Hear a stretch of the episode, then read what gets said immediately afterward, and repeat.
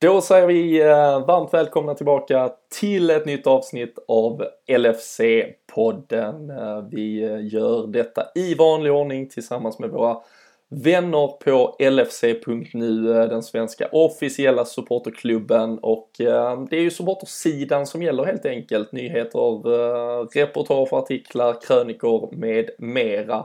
Och det är ju tillsammans med dem eller via LFC.nu som det också arrangeras storträffar runt om i landet och den 14 april när Liverpool tar sig an Bournemouth så smäller det igen i Malmö och eh, tycker ju såklart jag att ni alla bör anmäla er till att dyka upp på. Eh, jag eh, finns där likt väldigt många andra, kommer bli en fantastisk dag och kväll så in på lfc.nu för att anmäla er. Sen eh, har vi såklart också spelbloggare.se med oss. Eh, det är intensiva tider för dem. Allsvenskan sparkar igång. Det är Champions League som väntar i veckan. Premier League rullar på och eh, ja, men alla ligor ska ju egentligen nu summeras och packas ihop. Så det finns spelmöjligheter nästan varje dag. Så in och ta en titt där. Men lyssna nu på mig och Daniel Forsell när vi snackar ner och snackar upp det som händer i Liverpool.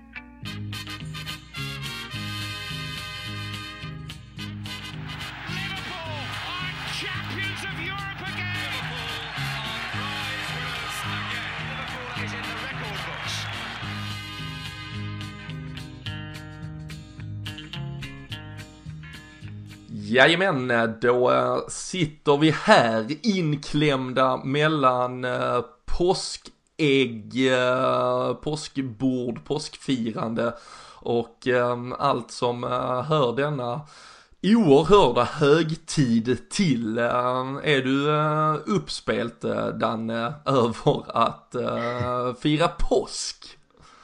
Nej, lite extra ledighet är väl alltid, alltid skönt när man har haft ett eh, landslagsuppehåll i ryggen och så får man en extra dag att ladda upp inför Premier League och en extra dag att varva ner. Det kan, det kan behövas. Men annars, eh, annars är väl påsken eh, lyser med sin frånvaro liksom. Eh, I alla fall så här nordligt som jag sitter i söd, översta södra Sverige om man säger så. Med massvis av snö fortfarande och, och skit. Så att vår har det inte blivit även om det har blivit påsk. Ja, nej, eh, lite så här också. Nu har visserligen eh, snön eh, försvunnit här men Ja, uh, någon uh, vårkänsla har det ju inte varit uh, gått hand i hand med uh, åtminstone och vi har ju idag också klivit in i april månad men uh, inget uh, aprilskämt uh, detta avsnitt. Det är ytterst seriöst och tungt. Så, ja, det kommer det vara. Ja, verkligen. Vi har ju såklart eh, Crystal Palace-matchen från igår att um, ja, men bearbeta, behandla, vad finns det att ta med från den? Uh, ett par uh, individuella insatser säkerligen men också kanske mer då styrkan uh, i sin helhet att vi tog med oss tre poäng från Sellers Park och så har vi ju såklart det som komma skall på onsdag. Champions League, kvartsfinal, ett av två, börjar hemma på Anfield, Manchester City kommer på besök. De var ju också uh, i Liverpool redan igår. De spelar ju mot Everton på lördagskvällen. Så uh, finns ju lite från den matchen och hur City presterar generellt. Det finns massa saker att uh, snacka upp här. Uh, men Danne, vi kan väl börja egentligen i det som då inledde den här eh, påskhelgen rent fotbollsmässigt och det som sparkade igång Premier League efter uppehållet. Och eh, jag satt med Christian för ett par dagar sedan för att snacka upp den där Crystal Palace-matchen och vi vi höjde kanske inte varningsflaggen för det, men vi tog med det i uppsnacket att Liverpool har haft det ganska knackigt just efter landslagsuppehåll och framförallt med den där 13.30 med den tidiga avsparken på lördagar och eh, man får väl säga att gårdagen eh, inte bröt det mönstret utan eh, det var väl krampaktighet personifierat i stort sett. Ja, det kan man inte säga mycket annat än. Man eh, är ju, sitter ju i chock fortfarande nästan att man kom därifrån med tre poäng. Det känns ju inte som att det tillhör eh, vanligheterna när vi gör sådana insatser. Och man, eh, ja, man var ju frustrerad i alla fall eh, ja, kanske till och med 90 minuter, men i alla fall 83 liksom av de här 90 minuterna. Och jag tyckte det såg riktigt eh, tufft ut mot ett lag som eh, Pella som ju i övrigt faktiskt inte har imponerat särskilt mycket. Så att... Eh, nej, det var styrkan i att vi kom därifrån med, med en trea ändå som man får ta med sig och att eh, vi liksom eh, ja, lite kan... Eh, Eh, man, man ska absolut inte säga att man ska vaska ett derby eller någonting men det hade ju, tappade poäng här hade ju kunnat spela rätt stor roll för eh, topp 4 och nu möts ju Chelsea och Tottenham idag och det kan ju liksom skilja ganska mycket. Nu är det ju 10 poäng till Chelsea och mm. det kan vara... De har ju två matcher mindre men det skulle ju teoretiskt sett idag då kunna vara 9 eller 10 poäng kanske med, med bara en match eh, mindre för deras skull. Och då tycker jag väl att det börjar att se oförskämt fint ut för oss vad gäller eh, topp 4 i alla fall. Och då, det är klart, då kan man kanske rotera någon eh, gubbe i, i Merseyside-derbyt. Och sett till hur, hur City tvålar till Everton så eh, tycker jag väl att spelmässigt borde vi också ha råd och, och kanske kika lite på det. Mm. Och eh, sett till, eh, nu går vi lite händelser i förväg, men sett till att City då tog den vinsten också mot Everton så kan de ju säkra ligatiteln genom att slå Manchester United i sin tur i den här inklämda matchen mellan då Champions League kvartsfinalerna och det är ju såklart två jättestora matcher, Liverpool-Everton, det är City mot United, men, men som vi är inne på egentligen för, för tabelläget så kanske det är matcher som inte kommer betyda något, men det känns ändå ganska bra att City kan, som sagt, säkra titeln där, för det tror jag de verkligen vill göra, vilket nog ändå kommer göra att de går ganska hårt in i det. Det är min känsla, jag vet inte om du delar den. Jo, men det gör jag. Sen sa ju Guardiola på presskonferensen ändå att de kommer ju välja sitt lag med hänsyn till Liverpool-matcherna. Om man säger så att det är det som är prio ett liksom. Men det är klart att en, en match eh, där man får läget att avgöra mot United hemma jämfört med om de hade åkt till West Bromwich eh, och spelat av. Då tror jag väl att de är mer sugna på att avgöra framför eh, den röda sidan Manchester liksom och kunna gnida lite det i ansiktet på dem. Det, det tror jag de hade mått gott av och det tror jag vi kan må gott av. Att de kanske, som du är inne på, de kanske tar ut sig lite extra eller spelar någon, någon eh, gubbe extra sådär jämfört med vad de hade gjort annars faktiskt. Mm. Um, annars uh, pratar man uh, Manchester, pratar vi Manchester United, uh, det verkade som att Roy Hodgson hade tagit en specialstudie i eh, José Mourinho eh, försvar och anfallsspel. Eh, inledningsvis påminde matchen faktiskt ganska mycket om den på Old Trafford för en dryg månad sedan och ett väldigt tight, kompakt Crystal Palace försvar. Man lyfte ganska långt, försökte sätta Benteke i dueller mot en svagare nickspelare, det vill säga att man undvek van Dijk framförallt. Och så Wilfred Zaha, som vi också satt och varnade för i podden, de är ju ett helt annat lag med eller utan honom. Och han fick då springa i den här kanalen vid Trent Alexander-Arnold, precis som Marcus Rashford gjorde på Old Trafford. Och man får ju någonstans ändå säga att där har ju motståndarna hittat någonting. Det är ju en akilleshäl som återigen här då via det som ledde till en straff och sen ett mål satte Palace i ett, i ett jättebra utgångsläge eh, direkt från start. Ja, man får ju verkligen ge dem all eh, kudos till Hodgson liksom att han ändå har eh, identifierat den eh, ja, möjliga största svagheten som vi har där bak tycker jag. För man märker att... Eh, alltså det, där tycker jag man märker skillnaden på Alexander Arnold jämfört med kanske en, en Klein när han spelade. Om man tänker en, en säsong tillbaka då, eller en mer rutinerad ytterback. Att han har inte riktigt koll på... Liksom, han kan vara bra i man mot man och han är bra offensivt sådär men liksom i, i duellerna så gäller det också att hålla koll på löpningarna. Och jag tycker både, både han och Gomes har visat det lite under säsongen att de eh, ganska enkelt kan tappa en kille. Både i liksom nickdueller, att de kan smyga framför, eller som i detta fallet då både straffsituationen och ytterligare något eh, läge som Zaha hade även innan där. Mm. När han egentligen smyger in på insidan av eh, Alexander Arnold och då, så snabb som han är, så går det ju liksom inte att och ta igen det om man väl har missat det liksom. Så att, eh, nej det... Och det såg precis som, du, precis som du är inne på där. Alltså Rashford och Lukaku hade man bara bytt eh, namn och utseende på liksom till den här matchen. Benteke så här så var det precis samma tankesätt från Hodgson som från Mourinho och det, det funkar ju uppenbarligen. Så eh, där behöver vi göra någonting eh, som gör att inte Benteke tycker jag, alltså att man tar det i första. Han, han smy, försökte smyga upp mycket på typ Henderson eller sådär. Han kom ner ganska långt. För att nästan utmana våra mittfältare och ja, där måste vi liksom ha någon, något försvar där van Dijk lite friare kanske kan söka upp honom i de lägena. Eller när, när någon har en så utpräglad target liksom. Mm. Det var ju tur för oss att inte Sörlott också spelade för då hade de ju haft två stycken i, i samma liksom... Eh, samma gubbe i två olika paket bara. Ja, med, med huven uppe i en annan stratosfär helt enkelt. Men äh, nej, man vet ju inte riktigt om det säger mest om Roy Hodgson eller José Mourinho att... Äh, jag tror att det är Mourinho som har, har eh, copy-pastat Hodgson där. Han spelade ju så med oss och Dirk Kuyt och skulle ju springa och sådär också på, på sin tid. Så att långa bollar liksom. Ja, Milan Jovanovic skulle riva längs kanten.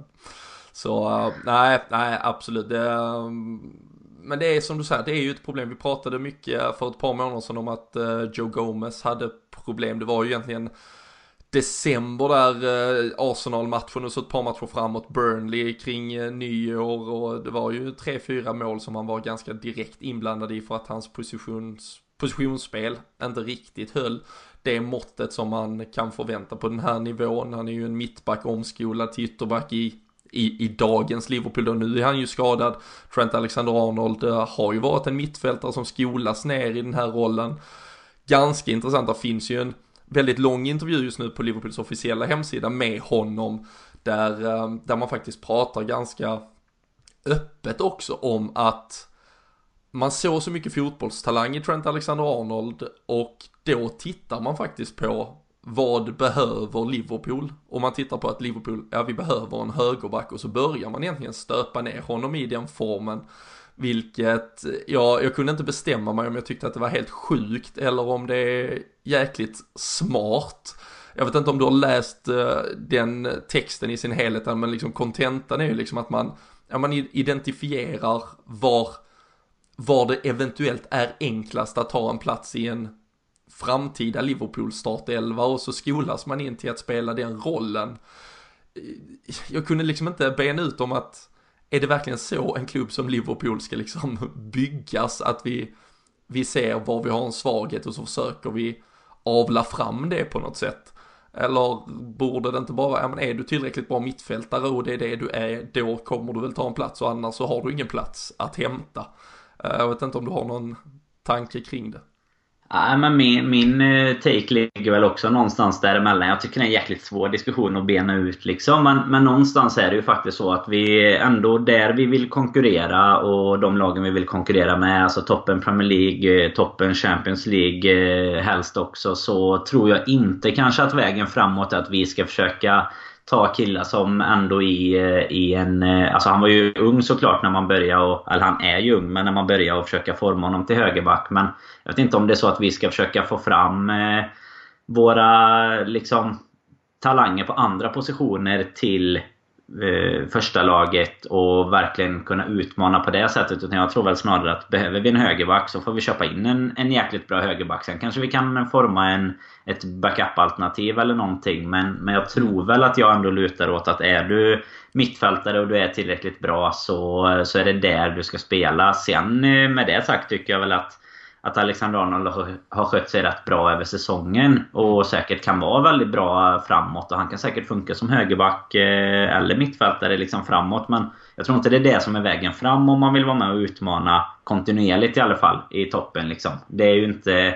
Alltså sett till eh, inför säsongen. Nu har det ju gått eh, alltså ändå hyggligt bra får man ju säga med, med både Champions League och Premier League. Men man, då tänker man ju inte att en kille som knappt har spelat Premier League-fotboll ska in på högerbacken eh, och, och liksom vara i stort sett första val. Det, det tycker jag väl kanske inte är...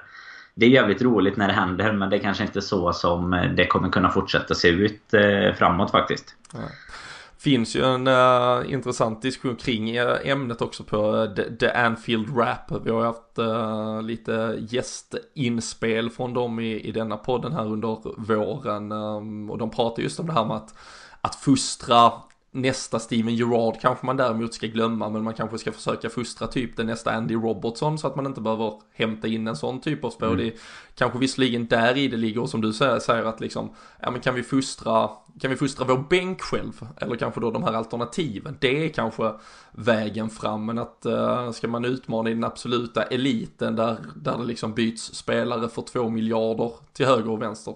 Så är det kanske inte genom att uh, omskola en, en mittfältare till en ny position och uh, så vidare. Men det, det är ju ett alltså, kolla hur få jag kollar hur få det har kommit fram ändå om man tänker alltså hur, hur få av toppklubbarna som ändå fostrar sina egna spelare. Så det är ju bara att se att man, det är ju typ tur om du har någon som verkligen tar sig hela vägen och, och får ja, antingen att du, att du kan sälja vidare för en jäkla bra summa eller att den personen verkligen tar sig in i, i elvan och, och stannar där och verkligen gör det bra. Inte liksom Flanagan-vis och har en bra vår eller någonting och sen bara hänger med bara på det liksom. Eller, ja, det, det känns liksom som att det är inte så man utmanar. Kolla på City typ. Det, det, är klart att desto fler talanger och sånt de knyter åt sig i tidig ålder, desto större procentuell chans att någon lyckas slå sig igenom.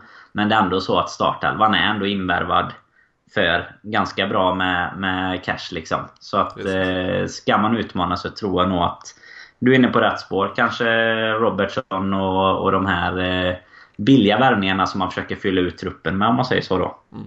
Sen eh, kan man väl konstatera nu med facit i hand att Andy Robertson har fått en annan uppväxling och nog också eh, ökat på det där värdet, eh, 8 miljoner pund som i stort sett bytte honom mot eh, Kevin Stewart för, eh, är ju så att man faktiskt tycker lite synd om Hall. Jag kan tänka mig att vi skickar Harry Wilson dit på lite nåder för att vara snälla nu i januarifönstret. Det känns ju nästan lite taskigt. Men ja, ett, ett sidospår vi kanske tog oss lite vidare från på tal om den här högerbacksplatsen. Men Alexander Arnold som sagt då varit lite ja, men exposed uh, så att säga mot uh, både Rashford, mot Wilfred Zaha.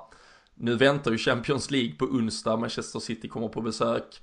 De eh, har ju såklart alternativ, de kan komma med vilken uppställning som helst i stor, men Leroy Sané känns det ju som som kommer vara den personen som då utmanar där, Rashford, Saha, Sané.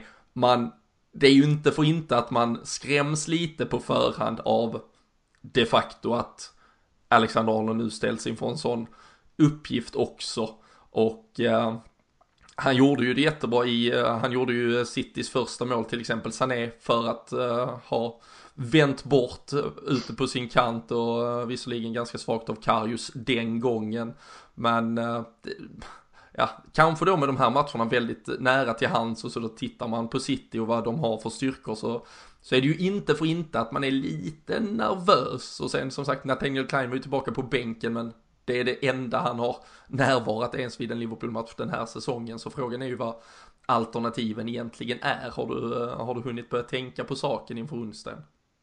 Ja, det har man väl gjort lite och jag, jag är väl lite... Eh, ja, det, är så, det är så jäkla svårt. Men jag har ju svårt att se att Klein kanske ska gå in och göra sin första match i Champions League-kvartsfinal mot City.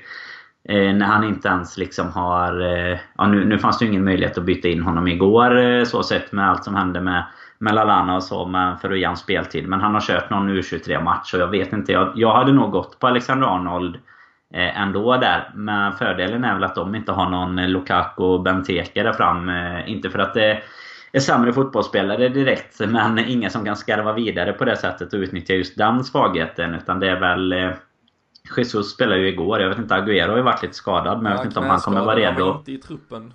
Nej, så jag vet inte om han kommer vara redo till onsdag. Men Jesus är ju ingen, ingen targetspelare. Men han har ju extremt många andra kvaliteter som vi har eh, att vara nervösa för. Men inte just den typen som, som de kan utnyttja på Sané. Men jag tycker väl att eh, Sané kontra Zaha är också två... Han är ju en bättre fotbollsspelare så, så det finns absolut saker att vara vara rädd för oavsett Klein eller Alexander Arnold. Men jag får säga, jag säger Trent där om jag måste välja nu. Vad, vad tycker du att vi ska... Ah, äh, jättesvårt. Det, det som jag tycker man bör överväga om möjligt. Uh, Andy Robertson, jag tror alla minns just hans City-match. Uh, Raheem Sterling, om inte annat, uh, lär uh, komma ihåg den. han lär ha mycket att vilja bevisa på den kanten. Frågan är ju hur man hade kunnat formera mittförsvaret annorlunda om det är en möjlighet att vi kan sätta över van Dijk till att täcka vid Alexander Arnold istället så att man får den starkaste mittbacken där. Han är ju ganska bekväm i i båda de centrala positionerna egentligen. Eh, nu var ju tyvärr då Matip ganska svag eh, för att vara snäll mot, eh, mot Pallas igår här och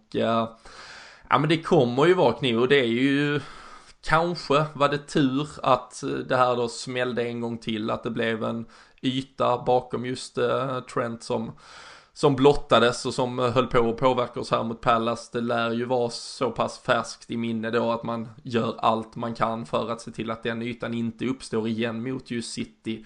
För um, det känns ju som att det är i den ytan vårt, ja men vårt problem ligger just nu. Vi, som sagt, vi har nog 6, 7, 8 mål egentligen på Gomes och Alexander Arnolds konto om man eh, liksom väldigt eh, slarvigt och hårdraget eh, tittar på vem som har varit kanske ytterst ansvarig i, ja, men i ett markeringsspel eller ett positionsspel. Så um, nej, jag tror inte heller Klein och det lilla man har sett i U23 så har han ju inte varit särskilt het heller. Alltså det är ju såklart jätterostigt. Det är ju stort sett ett år sedan han spelade tävlingsmatch. Mm. Så vi eh, får nog eh, liksom gå på de namnen som finns där. Ehm, alternativ, det som kommer att diskuteras är troligtvis om det blir Matip eller Lovren. Och eh, sen är det kanske då hur man formerar det, hur man väljer utgångspositioner och så vidare för att säkerställa att vi inte släpper upp dem ytorna igen helt enkelt. Men eh, vi ska ju vi ska snacka upp City, vi ska väl försöka landa i en, eh, en startelva också här lite längre fram. Men eh, Palace fick ju såklart matchen dit de ville med det tidiga 1-0 målet. Hur eh, tyckte du att Liverpool reagerade på det? Hur tyckte du att Liverpools match egentligen ut, liksom, utformades eh, efter den situationen vi satte oss i? Nej men första halvlek överlag tycker jag är extremt eh, svag. Eh, det var väl egentligen... Eh, alltså man, jag, jag satt och svor lite över eh, kanske Manés... Eh, eh alltså vad ska man kalla det? Ofokus, alltså han är inte så fokuserad alltid i sina passningssituationer. Men han var väl ändå den som någonstans kom in lite i, i matchen och ändå var, var där om man säger så. Han eh, utmanar lite och mål bortdömt för offside och sådär. Men jag tycker ju annars eh, våran reaktion i sig tycker jag kom i början av andra där. Att vi, det kändes som att Klopp eh, fick snacka lite vett i gubbarna och så fick vi, satte vi igång. Men så fort vi gjorde 1-1 egentligen, då tyckte jag vi tappade igen. Mm. Så det var väl bara en 7-8 minuter där som vi egentligen hade någon reaktion tyckte jag på, på det egentligen. Jag vet inte, Pallas hade verkligen eh, en, en kontroll tycker jag som var lite skrämmande att se. Vi, vi kom liksom inte kom inte fram och vi lyckades inte... Alltså de pressade oss inte jättehögt men de lyckades ändå hålla nästan lite koll på oss redan på mittfältet. Så... Eh, det var, det var, så, jag såg inte det här komma faktiskt om jag säger så. Men det var, alltså det var ju även där så egentligen som matchen utvecklades. Jag tycker just likheterna till den där Manchester United-matchen var ja, men ganska slående på väldigt många håll. Eh, när det blir den här typen av match, eh, Firmi, han gör ett par grymma backtrackings, liksom någon glidtackling där han plockar tillbaka boll och så vidare. Det, det har han ju alltid i sig, men han var ju ganska ja, neutraliserad. Eh, Liverpool-bekanta Martin Kelly och Mamadou Sakho i mittförsvaret eh, skötte det ju egentligen under långa stunder väldigt bra. Mohamed Salah kom inte in i matchen överhuvudtaget och sen så var det egentligen som du var inne på, Sadio Mané var ju den som var klart mest aktiv,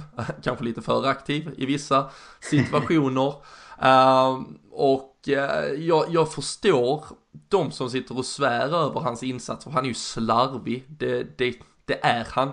Men samtidigt och du och jag, vi skrev lite, vi skrev lite om det i, i paus liksom att ja visst han är han är fan rätt dålig och slarvig med boll, men han är där, han, liksom, han, är, han är aktiv i spelet och du kommer vara närmare att faktiskt göra ett mål också, även om du är liksom dålig men aktiv än att du är inaktiv och inte liksom är med i matchen. Det, det tror jag i alla fall. Och mm. eh, den, den, upp, ja, men, den utväxlingen fick vi ju här i, till slut då på Mané. Uh, det blev straffsituation han var inblandad i. Uh, jag tycker faktiskt att han ska ha straff. Jag tycker det är en touch på hans fot. Sen blir liksom fallet blir så konstigt och ser så osynkroniserat ut med, ja. med kroppen och händelsen så Även om eh, Swarbrick gör en helt horribel match i övrigt, mest liksom generellt. Han var ju liksom i vägen överallt. Han stod fel, han släppte fördel när det borde varit frispark och frispark på fördel och så vidare. Alltså han jättedålig. Jag kan någonstans förstå varför han gör som han gör i den situationen, men jag tycker och jag tror till exempel ett VAR-granskande hade gett rätt, för jag tycker man ser en touch på eh, på bilderna eh, som vevas. Men eh, han är ju också, han skarvar ju till en boll som van Dijk håller på att nicka i mål, troligtvis. Han nickar till den där ur ett offside-läge som han nickar in. Han är ju sen inblandad och tar lite med hand så borde varit utvisad. eh, ännu en eh, katastrofinsats av, av domaren där då och sen, sen, sen sätter han ju dit ett mål också. Han, han är ju, han är ju trots allt med i matchen. Alltså där tycker jag att jag tycker man får ge honom det åtminstone, liksom aktiviteten, att vilja vara med. Sen är det liksom en, en slutprodukt som kanske saknas i vissa, ja men vissa lägen. Och att det blir lite, ja men lite styltigt, lite slarvigt i passningsspelet och så vidare. Men eh, jag tycker summa summarum, av de tre där framme tyckte jag ändå att han, ja men bidrar mest i matchen.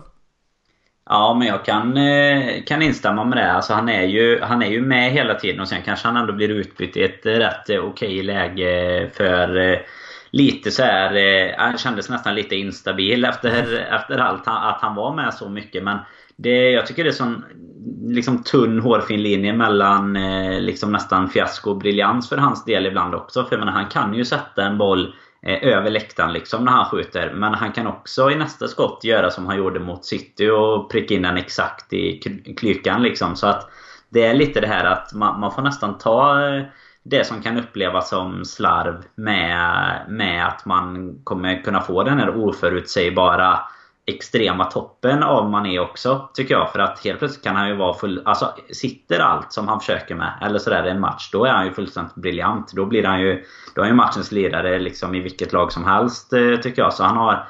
Det, det, är liksom det här att han ibland kommer ut lite... Det känns som att han tänker på ett sätt ibland som inte alla andra riktigt hänger med på. Eller om det är tvärtom, att han inte hänger med. Han kan lägga in en passning. Alltså han gör jättebra ända fram tills han ska lägga den sista passningen. Så lägger han den bara på en yta där liksom... Nej, där, där hade ingen kunnat vara. Ungefär. Så att, nej, eh, nej, men jag, jag håller med. Det, han blandar ju väldigt högt och lågt men eh, så han, ja, han är ju, han vill vara delaktig. Uh, sen uh, som sagt, han får inte utväxling kanske alltid till det positiva men uh, han eh, kröner ju det ändå med ett, eh, ett mål som såklart är, är viktigt. Eh, har 15 mål och 8 assist nu denna säsongen. 13 mål, 7 assist förra. Um, så eh, snacket om att han är huruvida han är bättre eller sämre så finns det ju i alla fall eh, statistik som, som talar för att eh, ja, slutprodukten är eh, av ännu högre kvalitet nu i alla fall och att vara den, den sämre eller i skymundan av de tre och ha de siffrorna är ju såklart jätteimponerande oavsett och har ju trillat dit rätt många mål nu faktiskt. lite ja, ketchup sedan eh, vi satt på Dragao och skrattade åt hans mm. Eh, hattrick. Vi konstaterar ju det efter matchen också att det, det kunde nog vara vad Liverpool behövde att även han fick eh, utväxling och utan att ha siffror så har han väl gjort en fyra mål till kanske ungefär sedan dess. Så um, viktigt såklart också inför City och liksom säsongsavslutningen generellt. Ja, det är det ju verkligen. Och det är inte så att man hade velat liksom, eh, bara för att det kan upplevas lite slarvigt eller ofokuserat ibland, eh, titta på ett alternativ liksom. Utan jag är så jäkla glad över att ha när man, när man ser laguppställningen och konstaterar att det är Salah, Mané och Firmino där fram så sitter jag så jäkla nöjd i båten liksom. Det finns inga, inga planer på att den lagdelen är någonting som vi behöver förändra eller förstärka. Utan de kommer ha bättre och sämre matcher och så är det ju. Och jag menar, tittar man på statistiken överlag över säsongen så är de ju eh, gudar alla tre liksom. Det är ju otroligt egentligen att, eh, att vi kan fortsätta leverera eh, den typen av av anfalls...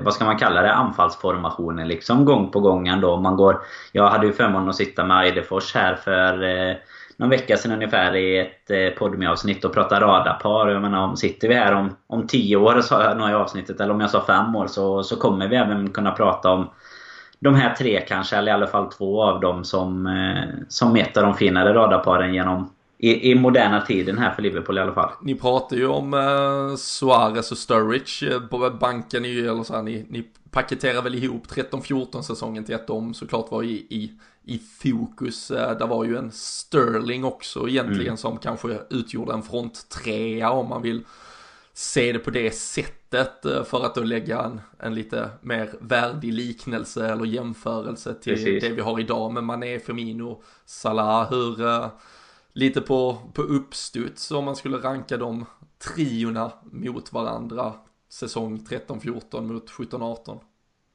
Ja, men tittar du på en eh, liksom komplett bild av det så tycker jag ju att detta är en bättre trio. Medans, för, för där tycker jag vi hade mer ut, alltså Suarez var mer eh, utpräglad eh, stjärna tycker jag av de tre. Liksom, eller han gjorde mycket mer på egen hand. så. Och sen är det svårt, ska man bara titta statistiskt så kan man ju säga att Salah givetvis är den är vad Suarez var då om man tittar målmässigt. Men tycker nog att detta är en bättre fungerande trio ihop eh, så sett. Som kommer kunna bibehålla den här formen framåt också. Eh, det är ju det är ju det som är en annan... Ja, nu går ju inte det att säga i och med att de inte var, var kvar men jag tror inte att det kanske hade fortsatt på riktigt samma sätt. Eh, med, det, är ju, det är bara för att man är så, man är så negativ till Starwich nu men ja. Det kän, känns som att de har liksom... Vi har inte sett allt av den här trion än, tror jag inte.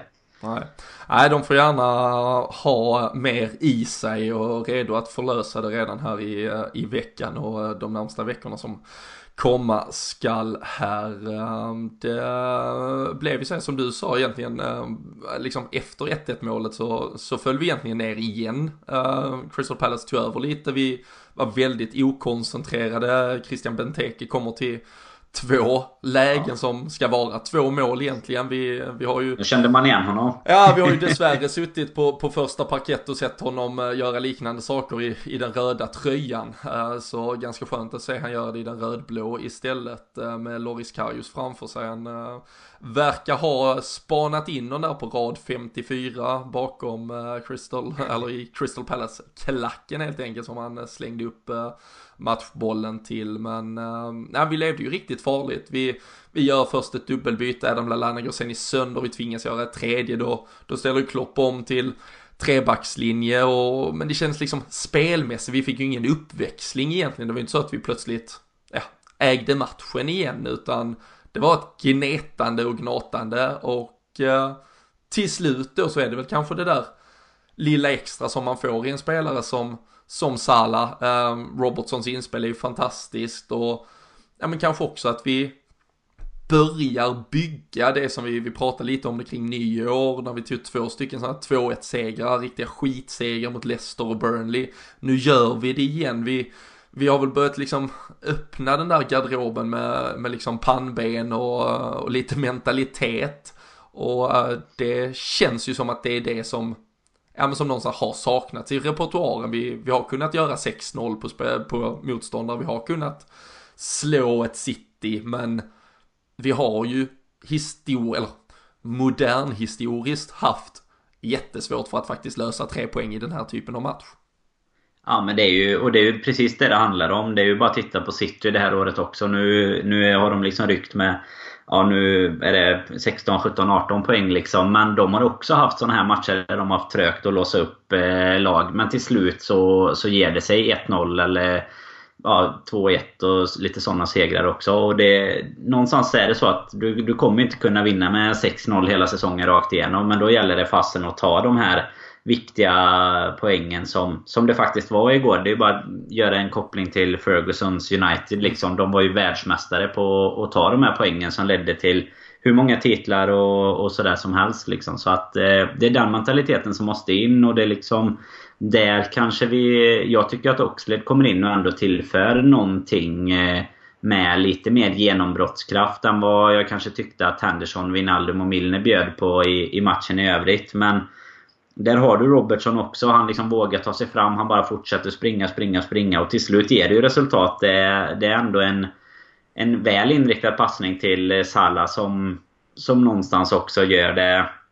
Alltså det är ju individuell briljans och, och våga ta emot den liksom och lägga över den i det läget. Man tänker det har varit en gnetig match för hans del överlag och sådär. Man tänker att han borde bara dra till den och då kan han lika gärna hamna på samma rad som Benteke siktar in sig på liksom. Men eh, det är kyligt och det visar ju ändå någonstans att han är... Liksom. Ja men precis. Det visar liksom att det finns en... Eh, det, det, är inte det desperata i att bara skjutsa iväg bollarna liksom. Utan eh, gneta, gneta, gneta och, och eh, så ger det resultat till slut. Även om vi kanske inte liksom hade något sånt här 90-10% bollinnehav och bara tryckte på. För det tycker jag verkligen inte vi hade. Vi har, vi har fortfarande inte den här eh, förmågan att liksom bara bestämma oss för att nu eh, ska vi pressa in en boll. Eh, eller sådär. Det tycker jag fortfarande vi saknar. Men Börjar vi den här änden med att ta segrarna så kan väl det komma efteråt sen då. Ja, nej absolut. Eh, och, eh, och kanske med tanke på att det var eh, en ytterback till den andra och en ytterback eh, in sen till Salah 3-5-2 gav uppenbarligen lite resultat eller vad vi nu ska kalla formationen och framtvingat såklart av att Adam Lallana fick bara vad blev det? Två, tre minuter på plan. Ja, det, det ja, kändes så i alla fall. Jag, jag, har inte tittat exakt på men uh, gick i sönder igen och uh, nu, eh, jag vet att vi har faktiskt tagit upp det, jag, jag har haft det i podden, alltså han har ju faktiskt nästan samma skadehistorik som Daniel Sturridge, vare sig vi vill det eller inte. Och eh, 30 år blir han nu, um, ja, är ju inte längre ett första val. Det eh, kanske är tyvärr så att den, den feta damen har sjungit för hans del. Ja men det, jag tycker det någonstans lite givetvis beroende på vad vi kan eh, vad vi kan ta in istället eller sådär. Han funkar ju kanske om han är frisk som, eh, som inhoppare eller sådär. Men samtidigt med, med åldern eh, uppe. Han, han är ju ingen James Milner. Om man det är inte ofta man använder den liknelsen. Men alltså Milner är ju ändå en sån sån gubbe som, som aldrig är skadad i stort sett och är liksom dynamit. Man vet vad man får när han kommer in. Eh, men eh, jag känner väl att det finns ju säkert eh, 15 likadana spelare i Premier League som vi skulle kunna ta in från lite sämre lag som skulle kunna göra det jobbet som som Lalana i dagsläget står för. Han har ju fyllt en viktig funktion innan i och det, det här pressspelet som Klopp. Alltså han var ju nästan den första tyckte jag som som eh, utvecklades eh, väldigt starkt under Klopp. Alltså som man verkligen såg att det här eh, är ju handen i handsken för en sån här spelare. Men det, det har lite överskuggats nu av att resten av laget har liksom anammat det. Alla har gjort. Vi är också ett lite annorlunda Liverpool under Klopp. Ja, så är det ju. än det vi var, det han tog över. Det som, det som du såg premiärmatchen av mot, eh, mot Tottenham. Precis, där. när det var rekord, rekord i löpta meter mm. Eh, match på match på match liksom. Och, eh, och så är det ju. Där, där var ju Lalana liksom. Det var ju hans typ av spel och han löpte och han pressade backar och sådär. Men nu är vi liksom mer kollektivt eh, försvar, alltså försvarsstarka i anfallet tycker jag. Och han... Eh, jag tycker inte att man ser att han har en plats att ta. Nu kommer Keita dessutom, kanske någon mer, det vet vi inte i sommar. Och eh, Nej, det, det känns inte som att han liksom har någon chans att slå sig in i en mittfältstrio. Och jag tror ju som utfyllnadsspelare då finns det liksom andra som vi pratade om innan nästan. Då kan vi försöka avla fram någon nerifrån nästan som kan ju säkert göra det spelet lika bra. Så att det kanske är dags för han att uh, hamna i Burnley eller något, något lite... Ja, runt plats 10 där. Ja, han, eh, eller hänga med Southampton ner i The Championship kanske. Nej, ja, det, det känns ju så.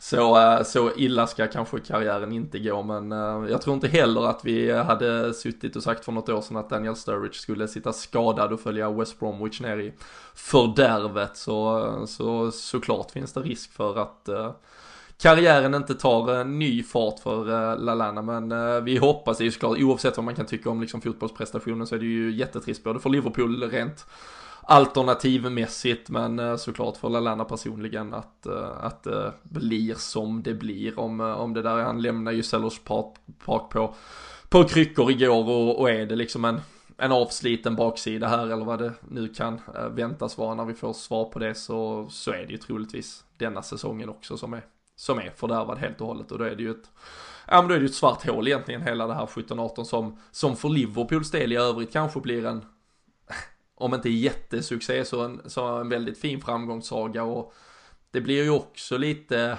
ja, extra, alltså liksom vatten på den kvar att okej okay, han behövdes inte när vi gjorde en så bra säsong så varför då liksom, eh, ja, jag tror man har, man har ju mer förståelse eller liksom väntan och liksom uh, tålamod för en spelare om man känner att laget inte klickar liksom. Då kan man ju, då vill man ju ha in den här spelaren i, i business igen men uh, här tror jag vägen börjar bli väldigt lång för Adam Lallana helt enkelt. Eh, Sen Men... har ju åldern, åldern och konkurrenssituationen som kommer och sådär har ju också mycket med det att göra liksom. Sen verkar han ju vara en eh, sjukt eh, ödmjuk person och sånt så man hoppas ju att det blir man hoppas ju verkligen för hans skull att, att vi sitter och har fel liksom. Men, men man har ju sett liknande situationer känns det som tidigare. Och tufft läge att jobba sig tillbaka ifrån. Den, den här säsongen har ju verkligen... Allt har ju gått emot honom liksom. Och nu dessutom med... Han var väl och spela landskamp och så nu i förra veckan där. Och jag menar VM som kommer, det kanske försvinner och... Nej för fan, det är ingen, ingen rolig situation han var ju, liksom. ut, han var ju uttagen i den truppen men fick ju, fick ju liksom inget förtroende av Southgate där heller. Så... Um, nej, det känns som det är en lång väg att vandra där för Lalana. Mm. Och uh, vi, ja, vi får väl se var det, var det landar till slut. Men uh, att han inte är ett alternativ eh, för uh, veckan som nu kommer då Manchester City på onsdag. Champions League kvartsfinal, match 1 av 2. Vi börjar ju hemma som jag tror att alla väldigt bekant känner till vid detta laget. Och det är ju som sagt ett äh, bra tag sedan, ett äh, drygt decennium sedan senast när man satt och ja faktiskt hade en kvartsfinal i Champions League framför sig. Äh, har du hunnit liksom få poletterna att trilla ner på vad som komma skall på onsdag eller är det fortfarande lite ogreppbart på något sätt? Ja, men det sjuka är nog att det fortfarande är lite sådär halvt ogreppbart tycker jag. Alltså man, jag, jag är också ganska sån här nu när vi inte har spelat Champions League på uh, ganska många år. Eller vi, vi var ju med ett år där som gick lite sådär med Balotello i Ludogorets och sådär. Men, men liksom eh, då, då tyckte jag lite att intresset för Champions League, eller den här digniteten som Champions League faktiskt har. Man tappar lite den för det var så här Manchester United och Barcelona i en final. Det är ju pest eller kolera kände jag liksom. Och kunde knappt sitta och titta på skiten. Men, men nu, man har ju känt under den här säsongen när det, har, när det har gått bra och man känner att vi är tillbaka och man, man verkligen eh, följer hela Champions League-cirkusen på ett annat sätt. Då... Eh, nej, det, det är ju grymt stort att vi liksom är bland de åtta bästa igen liksom. Och från... Eh, det, det blir så här jag vet inte vad man säger motsatsen. Liksom till upp, upp som en sol och ner som en pannkaka. Och upp som en sol igen får man väl säga då. För det har ju verkligen varit så det har varit för oss. Att vi hade ju menar, final, vinst 05 och final 07. Och ändå de efterföljande säsongerna där som vi, vi var med. Men sen ända från 09 och så till till nu då egentligen, det är ju fasen nästan eh, 10 år. Det är rätt ja. sjukt ändå. ja, men det är det. tänker på det. Ja men som du säger, liksom uh, vinner ena året, två år senare finalförlust, två år senare efter det så är vi trots allt framme i en kvartsfinal och sen, sen tar det 10 år tills vi är med igen, eller 9. Mm.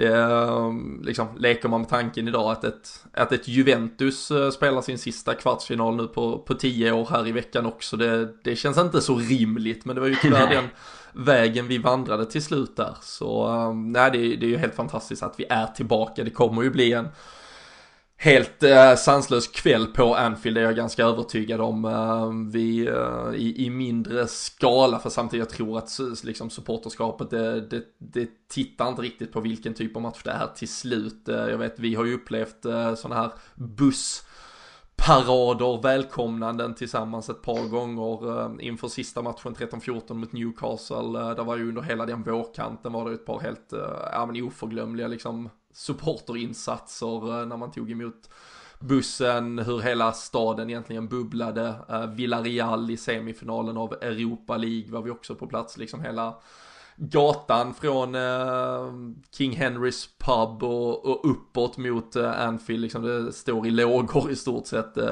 Och det är ju först en motståndarbuss som faktiskt ska ta sig igenom det där. Manchester City kommer behöva åka igenom det där. Eh, en spelare som Raheem Sterling har suttit i andra bussen, vetat vad det gör med ett Liverpool-lag att få det där mottagandet, eh, liksom, det, det, det är ju såklart att något, något växer inom, inom spelarna och att motståndaren också till viss del känner någon press eller liksom, det, jag tror att varannan spelare kan säkert känna någon ökad entusiasm själv att vilja visa eller sätta dit de jävlarna men det är klart att det också påverkar eh, med en viss nervositet tror jag.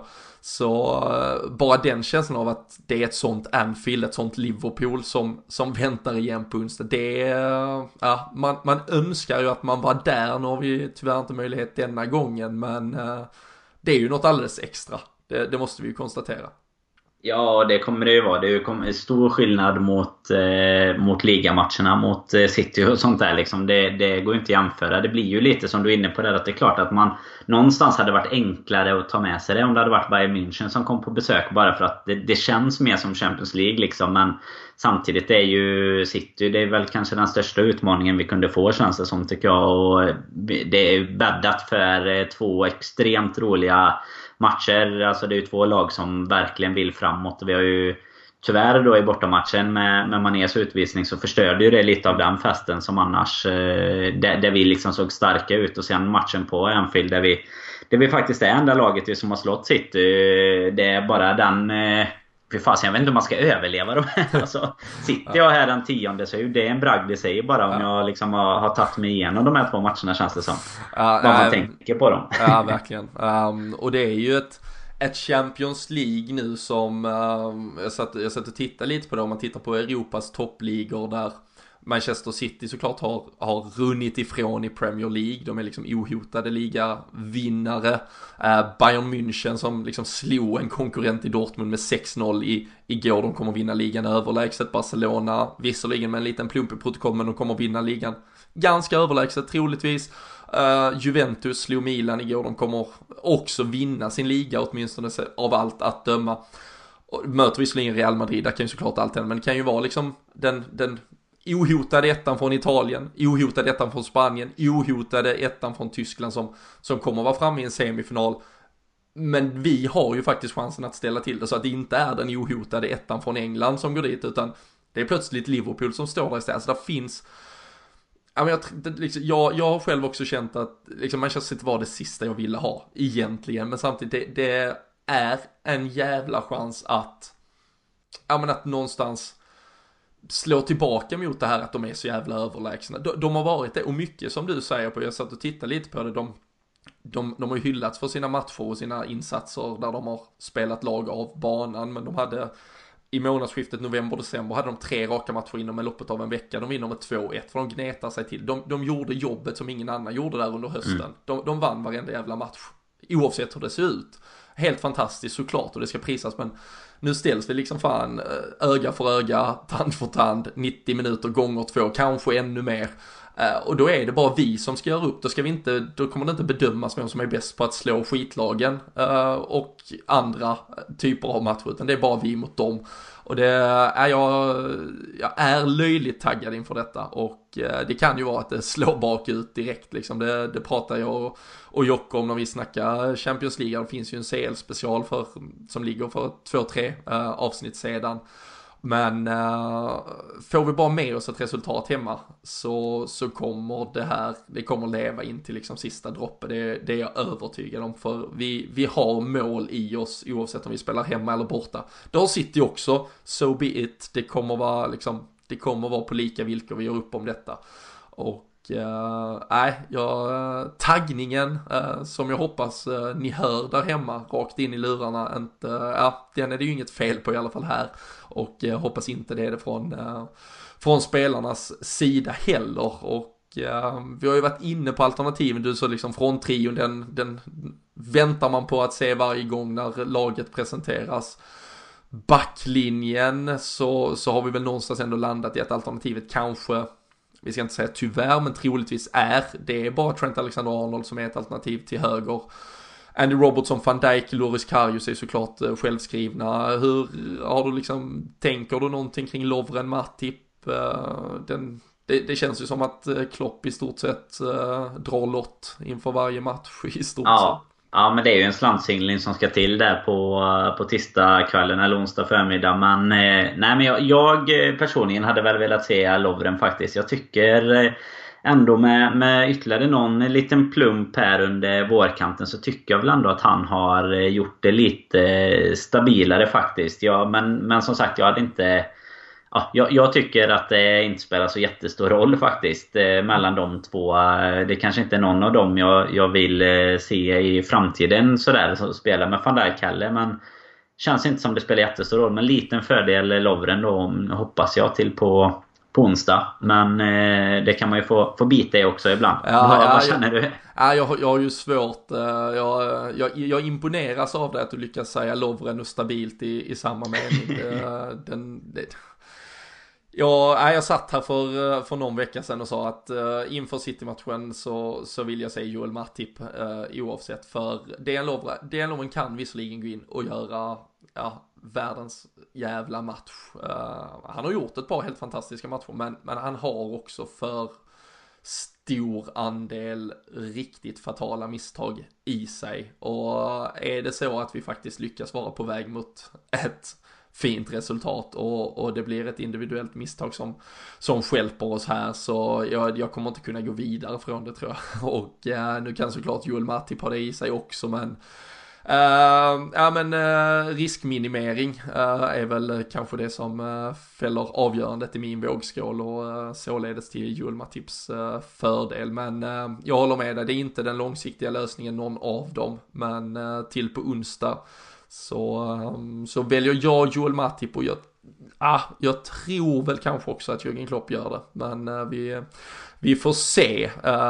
och nu provar han ju en eh, trebackslinje under en eh, kvart, 20 minuter men det känns väl föga troligt att det skulle vara alternativet redan om ett par dagar. Ehm, mittfältet... Det hade väl varit ett aprilskämt om vi hade fått spela med båda. Ja, vi sitter där och ska välja. Ja, och, nu låter det som de verkligen är pest eller kolera, så är det väl kanske nej. inte riktigt. Men, men det är ändå... Vi ska inte hugga dem precis vid fotknölarna men det räcker att vi får se en på, ja. på onsdag kan jag tycka. Och så kan vi bestämma. Det, ja. där är vi, där är vi och, och för en sekund igår när Christian Benteke satte dubbarna i Virgil van Dijk så kände man ju att uh, finns, finns där en gud liksom. Alltså, eller vad händer? Ja, nej, uh, peppar peppar vi hoppas att fan nu spelar han ju hela matchen och uh, det såg ju bra ut så han ska vara redo fit for fight här på onsdag. mittfältet är väl egentligen det som eventuellt lämnar lite ja, utrymme för eh, förändring. Du sa att Alex Oxlade, eh, Chamberlain kom in med eh, entusiasm, bra driv, ville något. Jag tyckte Gini Wijnaldum var direkt jättesvag mot Crystal Palace. James Milner är James Milner och Jordan Henderson var väl tyvärr också väldigt mycket Jordan Henderson mot Palace. Eh, lite vattenspridare. Man, eh, man satt ju förra veckan och så legendmatchen när Xabi Alonso satte mackor på Dirk Kuyt och gubbarna. uh, det var lite jobbigare att se Jordan Henderson försöka sig på något liknande. Men vi vet ju inte fysisk status hos Emre Can, har ju haft ryggproblem som Watford-matchen lämnade landslagssamlingen här under förra veckan. Och Eh, med Adam Lallana så försvinner ju ett alternativ, om än att han nog inte hade varit aktuell för start. Eh, jag känner väl att James Milner och eh, Oxlade är mina givna startare här. Och att Emre Can är den som utmanar Jordan Henderson ifall han är 100% redo. Annars tror jag det blir Jordan det kan bli Jordan ändå om eh, båda är friska men uh, i en drömvärld hade jag startat Emre Can, Alex Oxlade Chamberlain och James Milner. Hur uh, känner du? Jag har faktiskt samma. Sean Milner och Oxlade är det är prio på tycker jag. Och är väl inne på lite samma spår som, eh, som du är gällande Wijnaldum. Så tycker jag väl att han kanske är den som försvinner först just nu. Jag tycker inte att han har haft en, en särskilt trevlig vår eh, alls. Jag tycker verkligen att det, det liksom utstakas. Sen har han gjort några bra insatser men jag tycker det utstakas så när de tre spelar tillsammans. Att det liksom är tre stycken riktiga sådana här alibispelare som ingen kan liksom sticka ut riktigt. Eh, funkar eh, svinbra att ha en, kanske två sådana typer av spelare. Eh, kan det göra. Om man har en annan som kanske vågar bryta sig loss lite eller liksom vågar utmärka sig på något annat sätt. Men jag tycker det blir, när Milner och Henderson och Wijnaldum spelar tillsammans så blir det liksom bara så här riktig mellanmjölk liksom. Eh, det, på sin höjd kan det bli ganska stabilt. Men, men det kommer liksom inte vara bra både bakåt och framåt. Eh, utan det kan bli liksom stabilt kanske framförallt bakåt. Även om inte det kanske var fallet nu igår då. Men eh, nej, det, jag hoppas verkligen att eh, Oxlade eh, till att börja med får komma in. För jag tror mot City är det en sån Då är det den typen av approach vi behöver till matchen. För det som är kul med, med de matcherna som kommer här mot City är att det finns ju... Alltså varken vi eller de är ju riktigt eh, tillräckligt behärskade på att kunna stänga en match på ett Mourinho-sätt liksom. Om man har resultat med sig eller sådär. Och de släppte ju det... till och med in mål mot Everton så det visar hur dåliga ja. de är. Ja men precis. Nej men det är ju det. Men alltså det, det är verkligen... Och dessutom då när de leder med 3-0 och Everton kanske inte är på topp heller. Och de släpper ju faktiskt in eh, mål. Det, det är inte jättemycket nollor. De hade några nollor eh, ett tag på rad sådär. Men annars är det, släpper de in mål även mot eh, sämre lag som du var inne på. 2-1 segrar och så vidare då. Så det är väl lite samma sätt som vi eh, brukar kunna prestera på. Att vi, vi kan göra tre framåt men vi kan också släppa några bakåt. Liksom. Och det, det bäddar ju för riktigt eh, fina matcher så sett när man har den förutsättningen. Framförallt för en eh, objektiv som sitter och kikar såklart. Men eh, Nej, det, det ska bli kul för oss också. Viss, viss, viss risk att den objektive dock inte lyssnar på denna podden kanske. Så, så är det. Men eh, så för alla oss som uh, antingen pratar eller lyssnar i och kring denna podden. Vi, vi har ju såklart, ja men, fotbollsmässigt, inramningsmässigt, det kommer vara två helt fantastiska matcher. Men det kommer ju tära på uh, hjärta och uh, själ.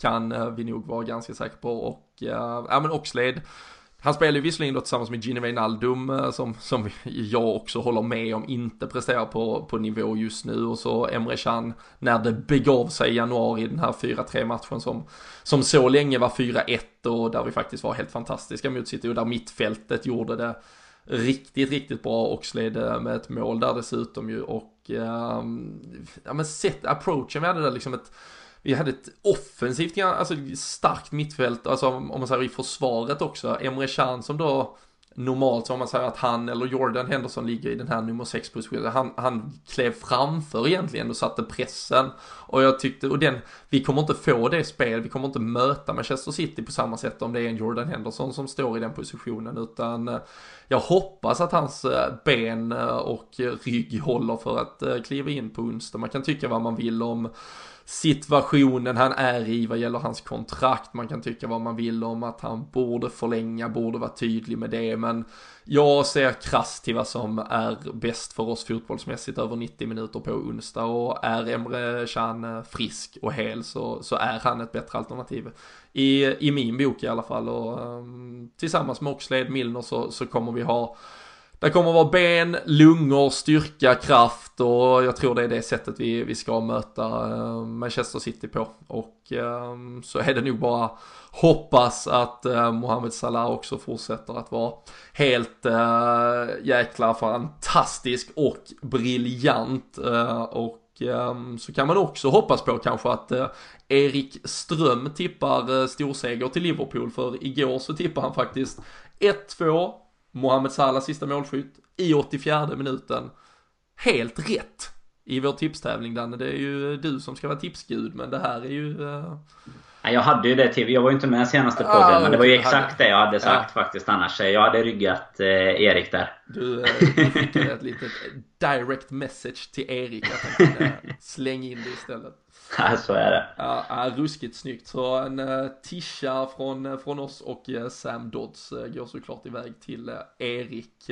men hur är känslan? Då lyckas du liksom landa någonstans med hjärna, hjärta och allting inför onsdag om du ska försöka tippa utgången. Det är ju ett dubbelmöte så Eventuellt har ju det här första resultatet inget eh, direkt avgörande med slutet att göra, men vad tror du vi får med oss från Anfield? Eh, nej men jag är ändå eh, ganska positiv tycker jag. Jag tror nog att vi ska kunna ta med oss en 2-1 i alla fall. Sen om det är ett jättebra resultat att ha med sig. Det kan man ju orda om. Det är ju alltid bra att ha vunnit en match men de eh, har bortamål med sig i så fall om det nu skulle bli så. Men eh, nej, ja, det är känslan just nu. 2-1. Ja, du, eh, du, du tar mig på orden här också. uh, liksom jag har ju sagt hela tiden att 2-0 är superdrömresultatet. Mm. Um, för då, då kommer ju liksom City ändå behöva ta taktpinnen rejält på Etihad. Gör vi ett då så ska de göra fyra. Och eh, det kan de absolut göra men det, det, det, har, det bör ha gett oss förutsättningarna för att liksom gå in som favoriter um, inför slutet. Men, uh, ja, men så jag får väl låta hjärtat uh, ta över då för att få lite dynamik i detta, säger 2-0. Uh, men det är inget ni ska gå in och belåna huset för att ta rygg på Ska man eventuellt hitta något eh, av spelvärde så tror jag man ska göra det lite mer objektivt än så och eh, vi fortsätter ju också samarbeta med spelbloggare.se här framöver. De eh, hänger med ett tag till och eh, vill man ha eh, alla odds, jämförelser och förutsättningar inför nu både Champions League och så Premier League som rullar på och allt annat. Det är ju allsvenskan drar igång om man nu ja, har en böjelse för den typen av fotboll också. Eh, så kan man hitta de eh, bästa speltipsen där. Men eh, som sagt förbereda på tio dagar nu med Dubbelmöte i Champions League, Everton till helgen, det är fotboll hela tiden, hjärtat kommer ta sin beskärda del av stryk här och podden försöker väl att dyka upp så mycket som möjligt helt enkelt. Uh, ska väl eh, både slickas sår och uh, fira segrar förhoppningsvis. Men ni hör oss och finner oss som vanligt också på alla våra sociala kanaler. Så häng med där, det är bara att söka på LFC-podden överallt så vet ni vad som gäller. Men tack för att ni har varit med oss och lyssnat idag. Fortsätt njuta av lite påskledighet och så hörs vi snart igen.